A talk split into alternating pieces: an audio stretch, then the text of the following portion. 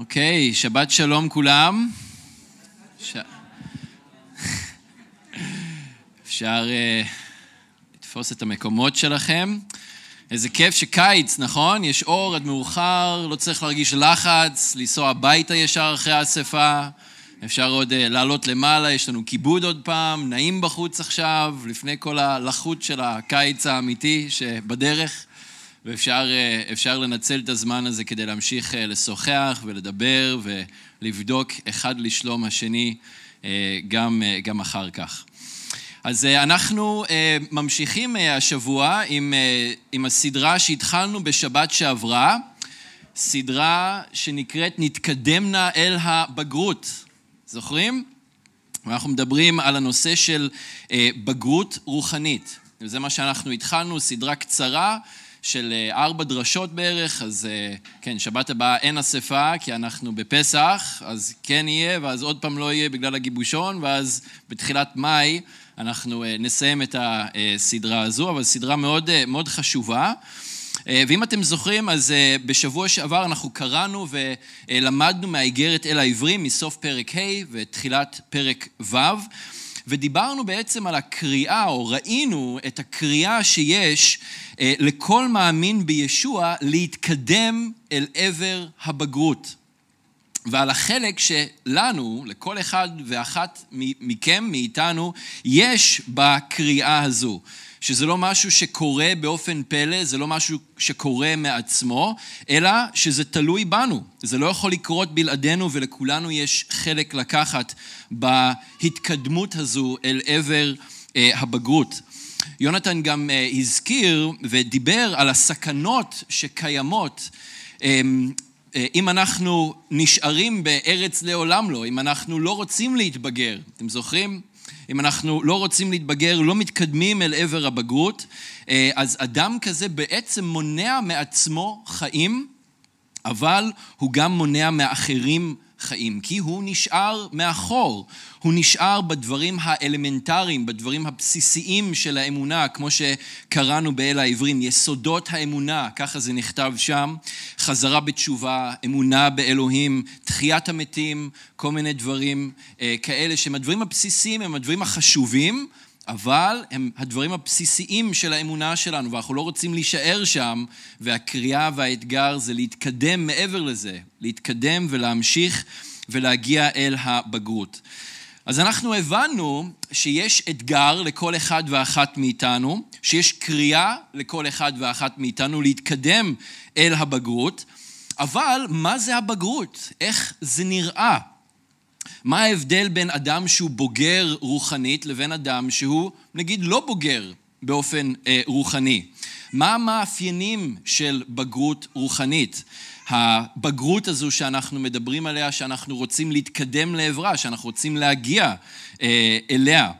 אז היום אנחנו ניקח את זה שלב אחד אה, קדימה, ואנחנו נדבר על המאפיינים של אדם שהוא בוגר מבחינה רוחנית.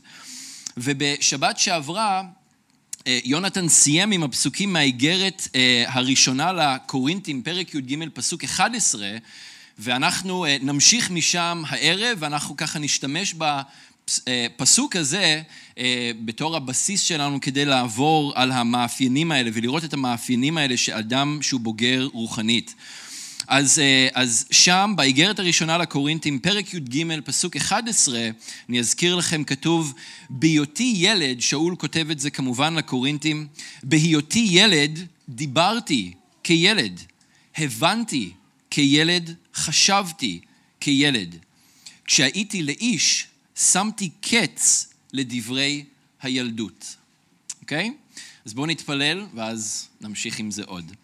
אז אדון, אנחנו מודים לך, כן, שוב, על עוד הזדמנות להיות ביחד, אבל אנחנו מודים לך על האתגר ועל הקריאה שאתה הצבת לנו להתקדם אל עבר הבגרות. אדון, אנחנו מודים לך שאתה לא נותן לנו להישאר במקום, שאתה לא נותן לנו להישאר כפי שאנחנו, אלא אתה תמיד מאתגר אותנו וקורא אותנו להידמות יותר לך, אתה קורא אותנו להיכנס למים העמוקים יותר, אתה קורא אותנו להתקדם אל עבר המופת שאתה נתת לנו, אל ישוע המשיח שבא וחי והראה לנו את הדרך שגם אנחנו צריכים להתהלך בה. אדון, ואנחנו אה, מתפללים ביחד, אדון, שאתה תבוא ותהיה איתנו עכשיו בזמן הזה. אדון, אני מתפלל שכשאנחנו מסתכלים על מה זה אומר להיות אדם שהוא אה, בוגר מבחינה רוחנית, אדון, שאתה תדבר אל כל אחד ואחת מאיתנו. אדון, אנחנו יודעים שאף אחד מאיתנו לא מושלם ואף אחד לא הגיע לשלמות הזו עדיין. אדון, ואני מתפלל שאתה תראה לכולנו, אדון, מהם התחומים, מהם, מהן הנקודות, אדון, שאתה אה, רוצה שאנחנו נשים לב אליהם. אה, אדון, ויש הרבה דברים, ואנחנו נראה אותם. ואני מתפלל, אדון, שאתה אה, תדבר אל הלב של כל אחד ואחת, מהם הדברים בשביל כל אחד מאיתנו. אה, אדון, הדברים שאתה מאתגר אותנו בהם, הדברים שאתה קורא אותנו אה, להתקדם אה, אל עבר הבגרות בהם יותר ויותר. אז אנחנו מבקשים שתעזור לנו להסיר אה, כל דבר שמסיח לנו את הדעת, כל חומה, כל היסח דעת, אדון, כל דבר שאולי לא יאפשר לנו להתמקד בך ולהקשיב עם אוזניים רוחניות למה שהרוח שלך רוצה להגיד לנו הערב. אנחנו מבקשים, אדון, שתעזור לנו להיות קשובים, ותעזור לנו, אדון, להתבונן בך, אדון, ולראות מה אתה אומר לכולנו הערב. בשם ישוע המשיח. אמן. אז אתם אה, בטח מכירים, אה, כשגדלתם, אז אולי אצלכם בבית היה איזשהו קיר או איזשהו אה, משקוף שהייתם מסמנים ומודדים את הגובה שלכם ככל שגדלתם, נכון? מכירים את זה? תמיד נכנסים לבית ורואים איזשהו קיר או איזשהו משקוף, ויש שם מלא סימנים, מלא קווים כאלה עם תאריכים, שמות וגילאים בדרך כלל, וכמובן הגובה. אמ, ושם הבני משפחה מסמנים את הגובה שלהם, ויכולים לראות את הגדילה שלהם, את הצמיחה שלהם על פני אה, השנים. אה, המבוגרים בדרך כלל כבר לא גדלים, הם כבר יורדים בגובה עם הזמן, אבל לילדים זה כמובן מאוד מרגש כל פעם שבאים ומודדים לראות כמה הם גדלו וכמה הם צמחו אה, עד שעוקפים את ההורים, ואז אולי זה נהיה פחות מעניין אחרי זה. אבל הגיל והגובה, אז אפשר לראות את הצמיחה של הילדים, אפשר לראות את הצמיחה על פני הזמן. והתהליך של ההתבגרות אה, נראה בכל מיני מובנים. כמובן במובנים פיזיים, כמו גדילה לגובה, כמו שאמרנו, אבל אה, גם, ואולי אפילו בעיקר, בתכונות של אופי ובתכונות של התנהגות. עכשיו, כמו שראינו כאן ששאול כתב, אז הוא אמר, הוא כתב לקורינטים שכשהוא היה ילד, אז הוא דיבר כילד. הוא הבין כילד. כשהוא היה ילד, אז כמובן הוא גם חשב כילד.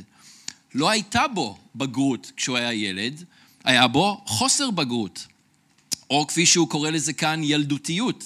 כן? הוא היה ילדותי, וזה באופן טבעי ככה. כשאתה ילד, אתה ילדותי. אתה חושב כילד, אתה מדבר כילד, אתה מבין כילד. כשתינוק אה, נולד אה, לעולם, והנה יש לנו כמה כאלה ממש אה, בני יומם כמעט, אה, כשהם נולדים לתוך העולם, הם ממש לא מודעים לסביבה שלהם. הם אה, לא אה, מתייחסים וגם לא ממש מגיבים לסביבה שלהם, לפחות לא באופן רצוני בהתחלה. לרוב תינוקות אה, בני יומם, מה הם עושים? הם אוכלים, הם ישנים וממלאים חיתולים בכל טוב בשביל ההורים שלהם, נכון? זה בערך מה שהם עושים בחודשים הראשונים. אבל גם במשך השנים הראשונות לחיים שלהם, ילדים נשארים מאוד ממוקדים בעצמם, בצרכים שלהם, ברצונות שלהם, הם דורשניים, נכון? הם לא רוצים לחלוק עם אחרים, ילדים תמיד לוקחים את הצעצועים לעצמם, הם רואים ילד עם צעצוע, הם ילכו, יחטפו את זה ממנו ויגידו, זה שלי, אני רוצה את זה. הם מאוד רגישים, כן? הם אה, נעלבים בקלות. הם כמובן פגיעים בגלל שהם קטנים, והם לגמרי תלויים במבוגרים שידאגו להם בכל מובן. להאכיל אותם, להלביש אותם, לקחת אותם ממקום למקום, לטפל בהם כשהם חולים, לדאוג לכל הצרכים השונים שיש להם. הילדים גם כמובן לא מבינים איך העולם פועל. הם לא מבינים מה יש בעולם הזה, הם לא חשופים לדברים כמו שאנחנו חשופים להם, והם גם לא מבינים אותם כמו שאנחנו מבינים שהעולם פועל. יש בהם אה, תמימות, ו, אה, תמימות מתוקה וטהורה מאוד. עכשיו, הדברים האלה מתחילים להשתנות לקראת uh, גיל העשרה, נכון? הילדים כבר בגיל תשע, עשר, הגיל מרגיש לי הולך ויורד ככל שהשנים עוברות, אבל מתחילים להתפכח, מתחילים להבין איך העולם עובד. אני רואה את זה עם הבת הגדולה שלנו, אביגיל, פתאום שואלת כל מיני שאלות על כל מיני דברים, על איך העולם uh, עובד. והם שמים לב איך, אה, איך דברים פועלים. ואנחנו רואים את השינוי הזה מתחיל לקרות לקראת גיל העשרה, לתוך גיל העשרה ואפילו אל תוך שנות העשרים הדברים האלה משתנים. אז כמובן, אז יש את השינוי הפיזי, הגוף משתנה, הריח של הגוף משתנה, במיוחד אצל הבנים.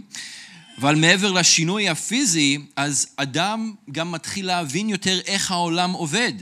שיש חיכוך עם אנשים מרקעים שונים, אנשים שיש להם השקפת עולם שונה משלך, אמונה שונה משלך. שיש בעולם מלחמה ומוות. הנה, כמו שאנחנו אה, רואים עכשיו בעולם, במיוחד באוקראינה וגם במקומות אחרים בעולם. הבני נוער וצעירים פתאום מבינים שהכסף לא גדל על העצים, נכון? אבא לא הולך וכותב כסף מהעץ בבוקר, צריך לעבוד קשה בשביל כסף. הם פתאום מבינים איך באים תינוקות לעולם, וזה לא החסידה שמפילה אותם בחיתול כזה אה, לבן וגדול. אולי עם הזמן, בתקווה יותר מוקדם בשנות העשרה ולא מאוחר יותר, אבל גם מבינים מה החשיבות של השכלה, מה החשיבות בלהשקיע בלימודים ולרכוש השכלה ולרכוש אה, מקצוע. בגילאים האלה כמובן הם נהיים גם יותר עצמאיים, הם פחות תלויים בסביבה שלהם. הם פחות ממוקדים בעצמם, בתקווה, אבל עדיין חס, אה, חסר אה, ניסיון, ועדיין גם בבני נוער ולרוב גם ב... אה, לא, לא כולם, אבל לרוב עדיין בחבר'ה בגילאי ה-20 לחייהם, הם עדיין אין להם את הסממנים של אדם בוגר. עכשיו, לרוב, גם מחקרית, אנשים מתחילים להראות את מאפייני הבגרות אל תוך שנות ה-30 וה-40 לחייהם. עכשיו, יש כאלה שזה גם לא שנות ה-30 וה-40, יש כאלה שזה שנות ה-50 וה-60, אבל לרוב בגיל שנות ה-30, ה-40, זה הזמן שמאפייני הבגרות מתחילים להיראות אה, אצל אה, אנשים. אז מהם המאפיינים הבלתי רוחניים? שימו לב, אנחנו עוד לא מדברים על בגרות רוחנית, אנחנו מדברים על בגרות באופן כללי, אבל אתם רואים שיש פה תהליך, נכון?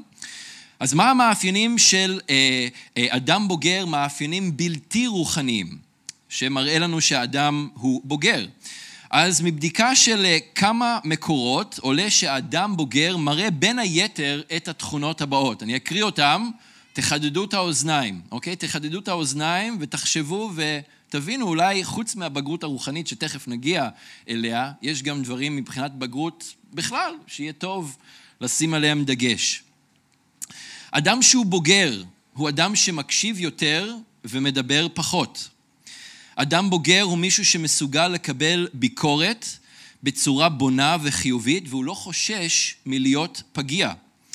אדם בוגר הוא מישהו שלוקח אחריות על המעשים שלו, והוא לא מתחמק, מתרץ או מנסה להאשים אנשים אחרים. אדם שהוא בוגר הוא מישהו שלא נעלב בקלות או מרגיש צורך להתגונן או להתנצח עם אנשים אחרים. אדם שהוא בוגר הוא אדם ענב שלא מתנשא על אנשים אחרים.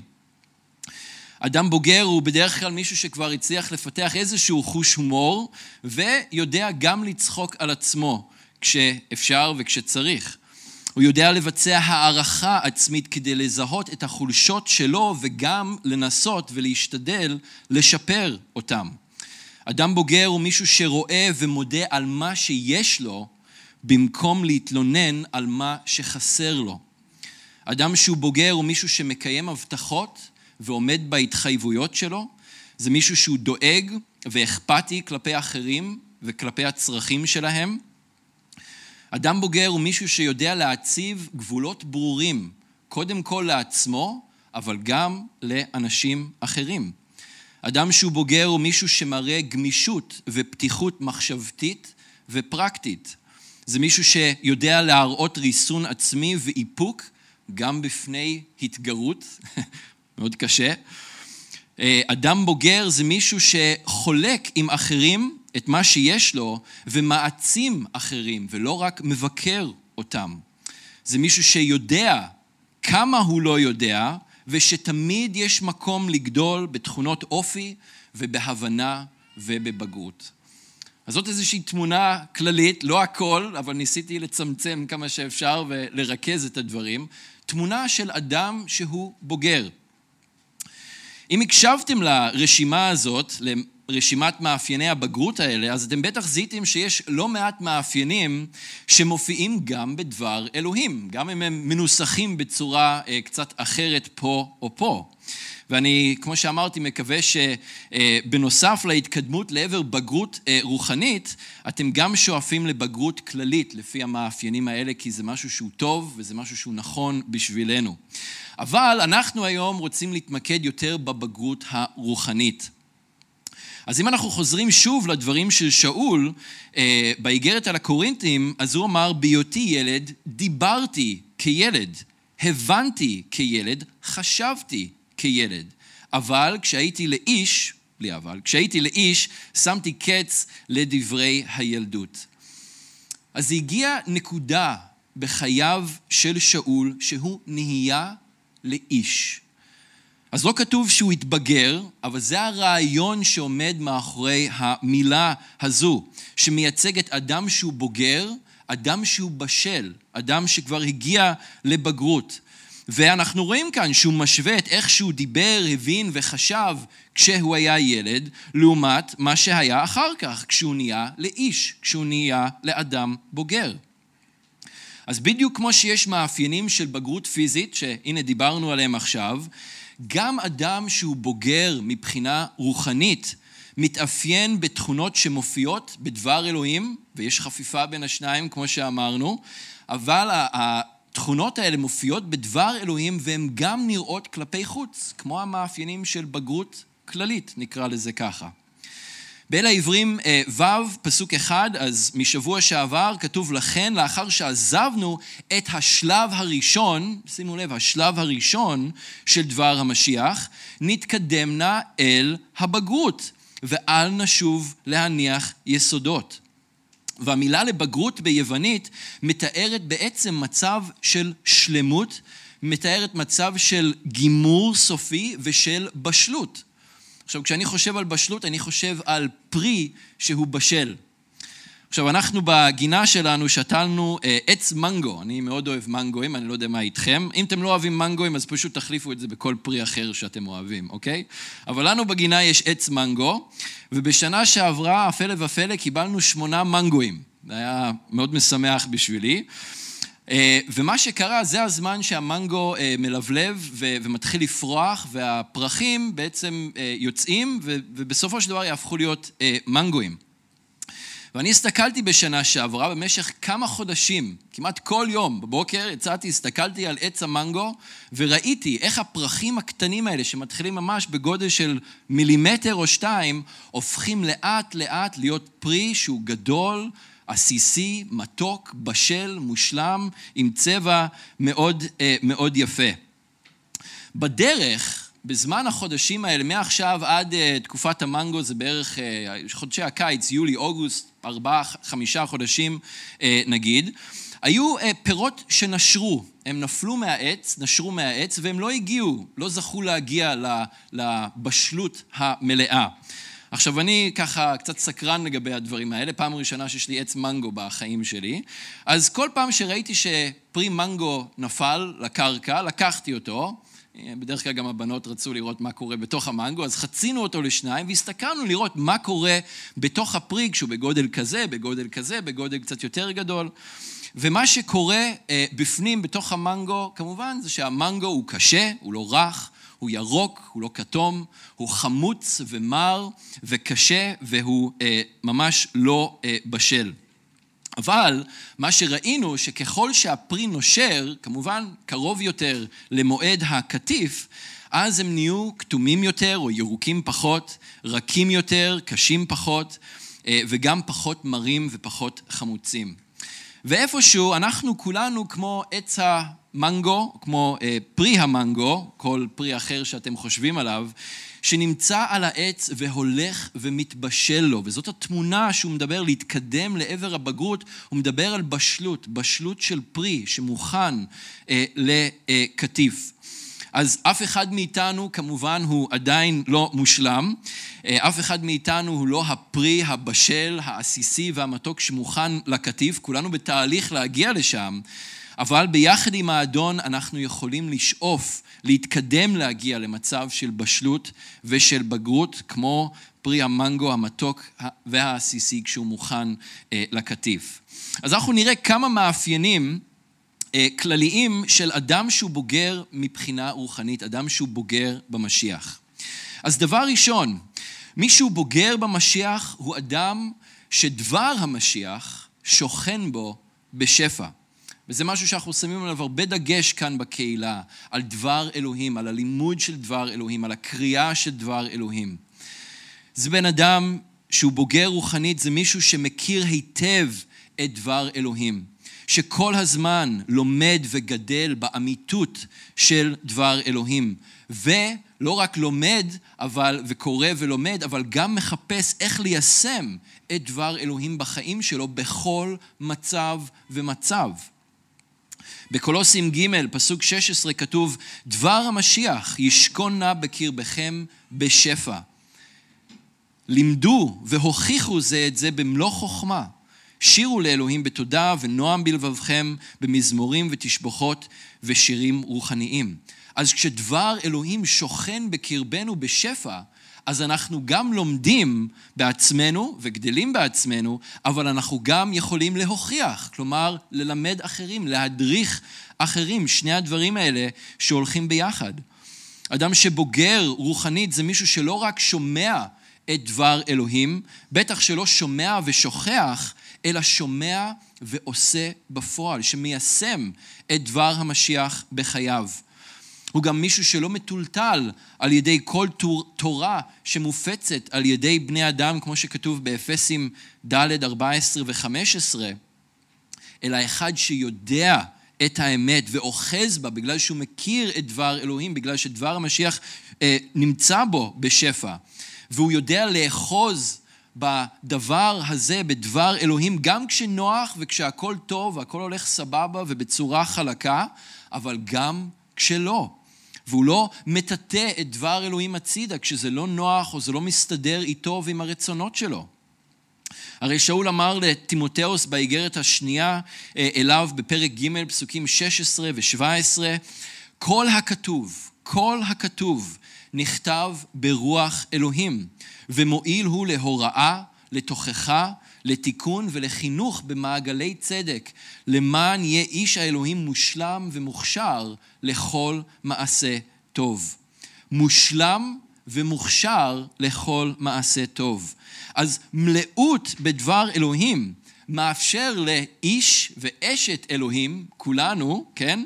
להיות מושלמים, להיות בוגרים, להיות שלמים, כמו הפרי של המנגו, אוקיי?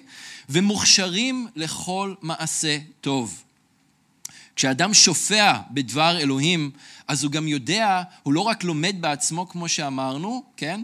לימדו, אלא גם הוכיחו. הוא יודע גם ללמד אחרים את דבר אלוהים, וכמו שגם הוא כתב לטימותאוס, שהוא יוכל אה, אה, אה, להורות אנשים, ללמד אנשים אחרים את דבר אלוהים באמצעות הוראה, תוכחה, תיקון, לפחות במידה מסוימת, כן? עכשיו, תחשבו רגע על כל איש מקצוע שאתם אה, מכירים, מישהו שאתם פונים אליו כדי לקבל איזושהי עצה. אולי זה רופא, אולי זה טכנאי רשת, אולי זה אה, עורך דין, אולי זה יועץ השקעות. אבל מישהו שחי ונושם את התוכן של המקצוע שלו ומכיר את התחום שלו על בוריו, מההתחלה לסוף ומהסוף בחזרה להתחלה.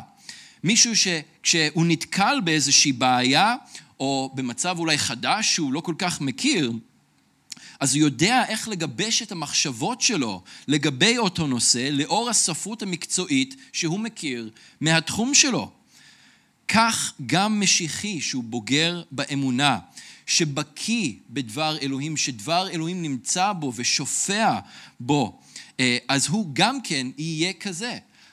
אל תחשבו שזה רק התפקיד של רועי הקהילה או זקני הקהילה, מנהיגי הקהילה או אנשים שהם אה, מבוגרים יותר, להכיר את דבר אלוהים ולהיות מסוגלים ללמד את דבר אלוהים לאחרים. זה נכון שיש מתנה של הוראה ויש מקום לזקני ומנהיגי הקהילה ללמד את דבר אלוהים באופן יותר פומבי אולי, אבל כל אחד ואחת מאיתנו כבוגרים במשיח, אמורים להיות במקום וצריכים להגיע ולשאוף למקום שאנחנו גם יכולים ללמד אחרים את דבר אלוהים, גם אם זה רק הדברים הבסיסיים, זה בסדר, אבל זה חלק מהבגרות הרוחנית שצריכה אה, להימצא בנו. ככה נראה אדם שהוא בוגר מבחינה רוחנית. הוא גם לומד בעצמו, דבר אלוהים שופע בו, והוא גם יכול ורוצה ואפילו מחפש איך ללמד אנשים אחרים. דבר שני, מישהו בוגר במשיח הוא אדם שחי לא רק למען המשיח, אלא יחד עם המשיח ובמשיח.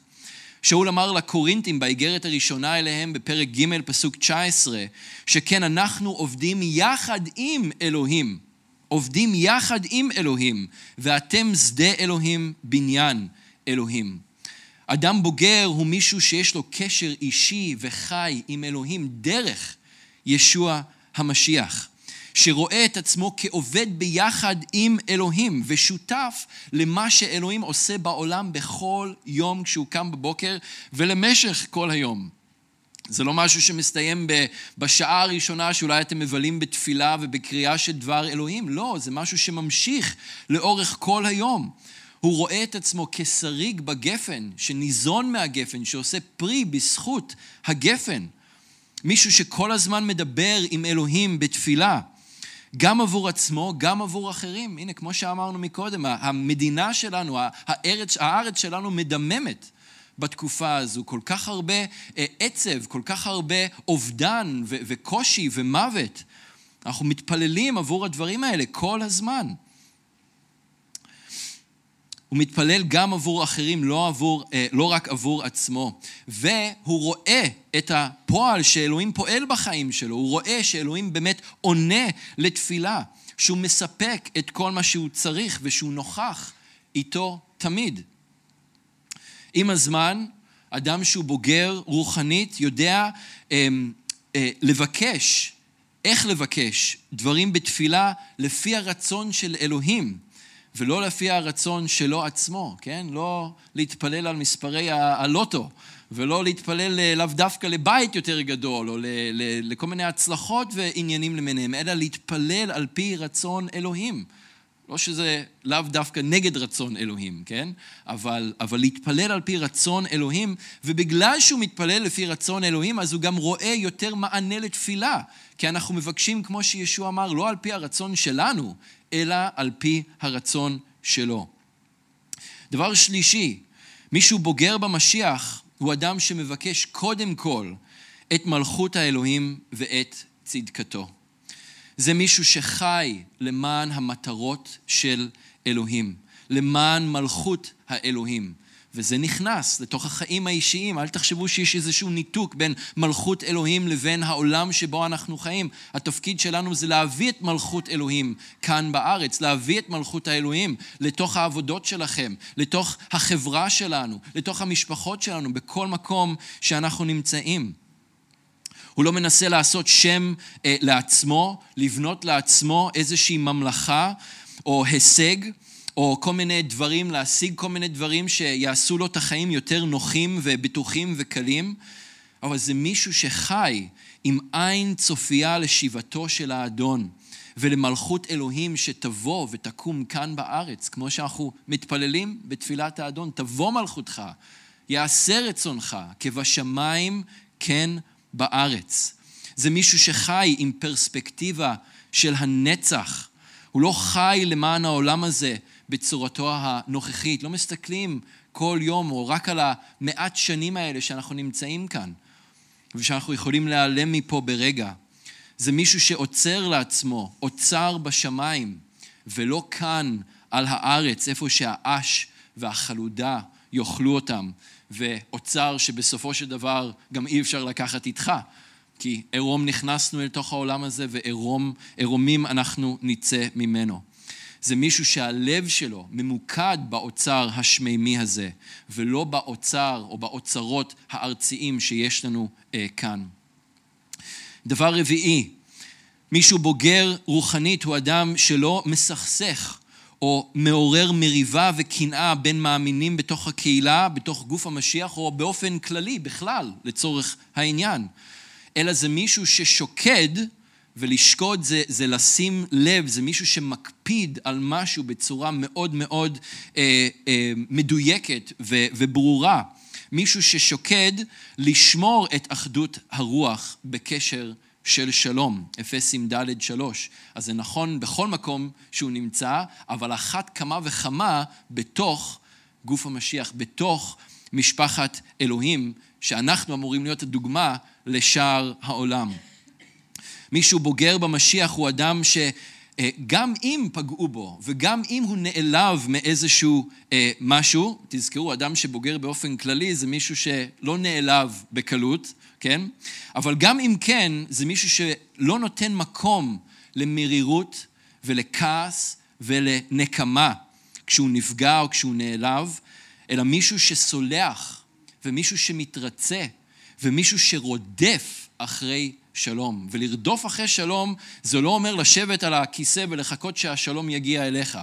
פעם אחרונה שבדקתי במילון, לרדוף אחרי משהו, זה אומר לתת ספרינט עד שאתה משיג את זה, ולא לעצור. לרדוף שלום עם כל אדם, כן? לא רק בתוך משפחת אלוהים, אבל גם בחוץ, עד כמה שהדבר תלוי בנו, כמו ששאול כתב ל- לרומים. זה אדם שלא נותן לרע להתגבר עליו, אלא מישהו שיודע איך להתגבר על הרע בטוב. בראשונה לקורינתים, פרק ג', פסוקים 1 עד 3, שאול כתב, ואני החי, לא יכלתי לדבר אליכם כאל אנשים רוחניים, הוא גוער פה בקורינתים, כן? לא יכלתי לדבר אליכם כאל אנשים רוחניים, אלא כבלתי רוחניים, כאל תינוקות במשיח. אז תשימו לב לקשר שהוא עושה כאן. תינוק במשיח זה מישהו בלתי רוחני. הוא אומר, הזנתי אתכם לא במאכל, כי עוד לא יכלתם לאכול. תינוקות לא יכולים לאכול מזון מוצק, נכון? הם חייבים חלב, הם חייבים משהו רך שהם יכולים להכניס לפה ולעכל בקלות. אבל, ופה הביקורת כלפי אה, הקורינטים מצד שאול, גם כעת, הוא אומר, מילא זה היה בהתחלה, אבל גם כעת, אחרי כל החודשים, שנים האלה שאני עמל בתוככם, גם כעת אינכם יכולים. אני עדיין לא יכול להאכיל אתכם באוכל אמיתי. בגלל שאתם עדיין תינוקות, אתם עדיין בלתי רוחניים. הוא אומר, כי עודכם בלתי רוחניים, מיד אחר כך, בפסוק שלוש. למה? ומאחר שיש בקרבכם קנאה ומריבה, האין אתם בלתי רוחניים ומתנהגים כמו האנשים. אז תשימו לב מה הקנאה, מה המריבה, המחלוקת, במיוחד בתוך משפחת אלוהים עושה, ולמה שאול מדמה את זה. הוא אומר, זה בגלל זה. בגלל המריבות האלה, בגלל הקנאה, בגלל החוסר אחדות שיש בתוך משפחת אלוהים, בתוך הקהילה אצלכם בקורינטוס, שאתם עדיין תינוקות באמונה. זה משהו שמונע גדילה. איפה זה היה? אה, היינו איפשהו אה, עכשיו, נראה לי אצלנו בבית, אולי עם אה, משפחה. אה, ודיברנו על אה, קפאין ולמה ילדים לא יכולים לשתות קפאין, כי זה כאילו מונע גדילה. אז אני לא חושב שזה נכון, אבל, אה, אבל יש דברים אחרים אולי שכן מונעים גדילה. אני זוכר כשהייתי נער, אז היו מזהירים אותי לגבי הרמת משקולות. הייתי הולך קצת לחדר כושר, ניסיתי להיכנס לכושר, זה לא כל כך הלך, אבל אחד מהדברים היה לא להרים משקולות כבדים מדי, כי זה יכול לפגוע באמת בגדילה ובצמיחה. יש דברים שהם כמו משקולות, קנאה ומריבה, זה כמו משקולות שמונעים את הצמיחה, מונעים, אה, מונעים את הגדילה ומונעים את ההתקדמות אל עבר הבגרות. אז אנחנו רוצים להסיר את המשקולות האלה ולא לאפשר להם להיות אה, תלויים עלינו. דבר חמישי ואחרון, מישהו בוגר במשיח הוא אדם שלא דואג רק לעצמו וחי למען עצמו, אלא מישהו שמשרת אחרים לפי המתנה או המתנות שהוא קיבל. וזה יכול להיות המתנות הרוחניות, וזה יכול להיות מתנות אחרות שהן לאו דווקא מתנות רוחניות, אבל זה פשוט איזשהו כישרון או מתנה שיש לאדם כלשהו. זה מישהו שנושא את המעמסות של אנשים אחרים, כמו שכתוב בגלטים, פרק ו', פסוק 2. זה מישהו שתומך בחלשים ושנותן למי שאין לו, גם בדברים חומריים, אבל גם בדברים רוחניים. אתם זוכרים שבאל העברים נכתב, או, או שאול כותב שם באל העברים, אתם כבר הייתם צריכים להיות מורים, אבל אתם נזקקתם שוב לחלב, לדברים הבסיסיים של האמונה. אתם כבר הייתם צריכים להיות במקום, ושימו לב, הוא מדבר אל כל הקהילה של העברים שהייתה שם, לא רק לרועי הקהילה או למורים שהיו בתוך הקהילה, אבל הוא אומר, כולכם הייתם כבר צריכים להיות מורים. הייתם כבר צריכים להיות בוגרים, כמו הורה שמלמד את הילד שלו. כולכם אמורים להגיע למקום כזה. באפסים ד', פסוקים 11 עד 13, אה, פסוקים שנוגעים למתנות הרוחניות, דיברנו על זה במסע בעקבות האמת, שעשינו בשנה שעברה. כתוב, והוא נתן את אלה להיות שליחים, את אלה נביאים, את אלה מבשרים, ואת אלה רועים או מורים. למה? בגלל שתי סיבות. כדי להכשיר את הקדושים לעבודת השירות, לבניית אה, גוף המשיח. כדי להכשיר וכדי לבנות. כדי להתקדם אל עבר הבגרות. ואם זה לא ברור, אז הוא ממשיך והוא אומר, עד כי נגיע כולנו אל אחדות האמונה ואחדות ידיעת בין האלוהים אל האדם השלם. שימו לב עוד פעם, המושג הזה, האדם השלם. אל שיעור קומתו המלא של המשיח. זאת השאיפה, שיעור קומתו המלא של המשיח. ואיך עושים את זה? על ידי שימוש במתנות. כל אחד עם המתנות שלו, זה לא משנה איזו מתנה זו, כל אחד יכול, וכל אחד צריך גם, בדרך שלו, אה, לתת מעצמו דרך המתנות שלו, גם כדי להתבגר בעצמו וגם כדי לעזור לגוף לגדול ולהתבגר ביחד אל האדם השלם. וכאן המילה הזו, האדם השלם, זה בדיוק אותה מילה שיש כאן לבגרות, להתקדם, אה, נתקדם נא אל הבגרות, זו אותה מילה. זה מה שאנחנו שואפים אליו, וזה קורה באמצעות המתנות הרוחניות. מילה לבשלות, מילה לשלמות, זה מה שאנחנו שואפים אליו. אז איך המאפיינים האלה, שאגב, זה, זה לא כולם, אבל זה שוב נותן לכם אולי איזושהי אה, אה, תמונה כללית יותר, וכמובן שיש עוד דברים שאפשר להגיד על אה, בגרות אה, רוחנית, אבל איך המאפיינים האלה יכולים להתקיים אצלנו? אז אנחנו שוב נחזור לדברים של שאול בקורינטים, אה, בראשונה פרק י"ג. אז בהיותי ילד, דיברתי כילד, הבנתי כילד, חשבתי כילד, וכשהייתי לאיש, שמתי קץ לדברי הילדות. אז שני חלקים בדברים האלה. הדבר הראשון כבר אמרנו, שאול הגיע לנקודה שהוא הבין שמשהו חייב להשתנות. למה? כי הוא נהיה לאיש. אתה לא יכול להיות איש ולהתנהג כמו ילד, זה יראה קצת מוזר, נכון? אם רואים ילד אה, מבוגר כמוני, פתאום מתחיל לשחק עם כל מיני צעצועים, זה יראה טיפה מוזר אם אין עוד נגיד ילדים מסביבי ואני משחק ביחד איתם, נכון? אם אני סתם יושב בעצמי ומשחק עם מכוניות, זה יראה טיפה מוזר. אז הוא הבין שאי אפשר להמשיך ולנהוג כילד שכלוא בגוף של מבוגר, אלא להתאים את האופי ואת ההתנהגות לעובדה שהוא כבר איש בוגר. והחלק השני זה שהוא אומר, אני שמתי קץ לדברי הילדות. הוא שם קץ לדברי הילדות. וזאת החלטה, זאת הייתה החלטה שלו, וזאת החלטה שלנו לרצות לעשות את אותו הדבר. עכשיו, המילה הזו, לשים קץ, היא מילה אה, די חזקה. גם בעברית זה, זה מושג חזק, כן? לשים קץ למשהו זה ככה, אני שומע שם אה, נחישות, אני שומע שם אסרטיביות, כן? משהו שהוא מאוד אה, נחרץ כזה. וביוונית זה המשקל של המילה, היא מביאה איתה משמעויות של ביטול, לבטל משהו, להרוס משהו, להשמיד משהו, להשתחרר ממשהו. אז זה מה ששאול עשה, הוא הרס, הוא השמיד, הוא אה, ביטל והוא השתחרר מדברי הילדות.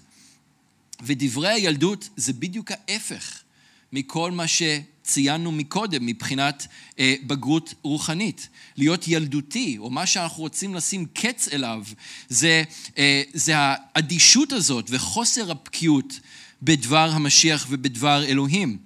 זה, אנחנו, אנחנו רוצים, אה, או אדם שהוא ילדותי זה מישהו שקורא ושומע את דבר אלוהים מבלי ליישם את זה בחיים שלו, דווקא במצבים שצריך, עם כל הקושי ועם כל האתגר שיש בזה הרבה מאוד פעמים. מבלי שזה משנה משהו בחיים ומבלי שאדם כזה מגיע למצב שהוא גם יכול ללמד ולעזור לאנשים אחרים להתקדם. דברי הילדות זה לעשות דברים לבד, בלי אלוהים, ואפילו בניגוד לאלוהים, וזה קורה הרבה. אה, אלוהים, אני יודע שאתה לא כל כך רוצה שאני אלך בכיוון הזה, אבל אני רוצה ללכת בכיוון הזה בכל מקרה, ואני אלך לשם. זה ילדותיות. אנחנו אמורים להבין שכשאלוהים אומר משהו, הוא יודע על מה הוא מדבר. אז דברי ילדות, לעשות דברים בלי אלוהים ולפעמים אפילו בניגוד לאלוהים, בלי תפילה, בלי לקבל את עצת אלוהים. דברי הילדות זה לחיות עבור עצמך, לחיות את הכאן והעכשיו ולאגור אוצרות שבסופו של דבר האש והחלודה יאכלו אותם ואי אפשר לקחת אותם הלאה ועושים את כל זה גם בלי התחשבות להשלכות שיהיו בעולם הזה ובלי שום מחשבה גם על הנצח. דברי הילדות, זה אדם שמשלח מדיינים בין, מדנים בין אחים, כמו שכתוב במשלי, פרק ו', פסוק 19, הוא זורע מחלוקת בין אחים, כן? זה מישהו שטינה וקנאה וחוסר סליחה ומרירות אוחזים בלב שלו ומטמאים לא רק את הלב שלו, אבל גם מטמאים רבים, מטמאים גם את הסובבים אותו.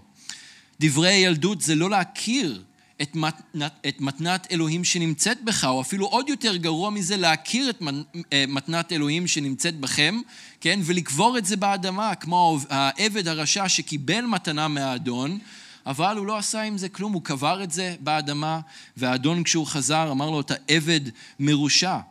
אז אלה דברי ילדות, להזניח, לקבור את המתנות שלכם באדמה, ובכך לא לתרום לבניית הגוף ולהתבגרותו, אלא רק נגיד לבקר את כל מה שהאחרים לא עושים כמו שצריך.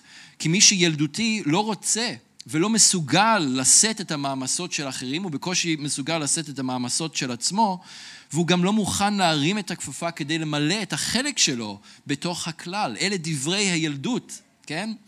ואנחנו, ההחלטה שלנו צריכה להיות שאנחנו רוצים לשים קץ לדברי הילדות האלה. שלא הדברים האלה הם מה שיאפיינו אותנו, אלא מאפייני הבגרות הרוחנית, הבגרות המשיחית.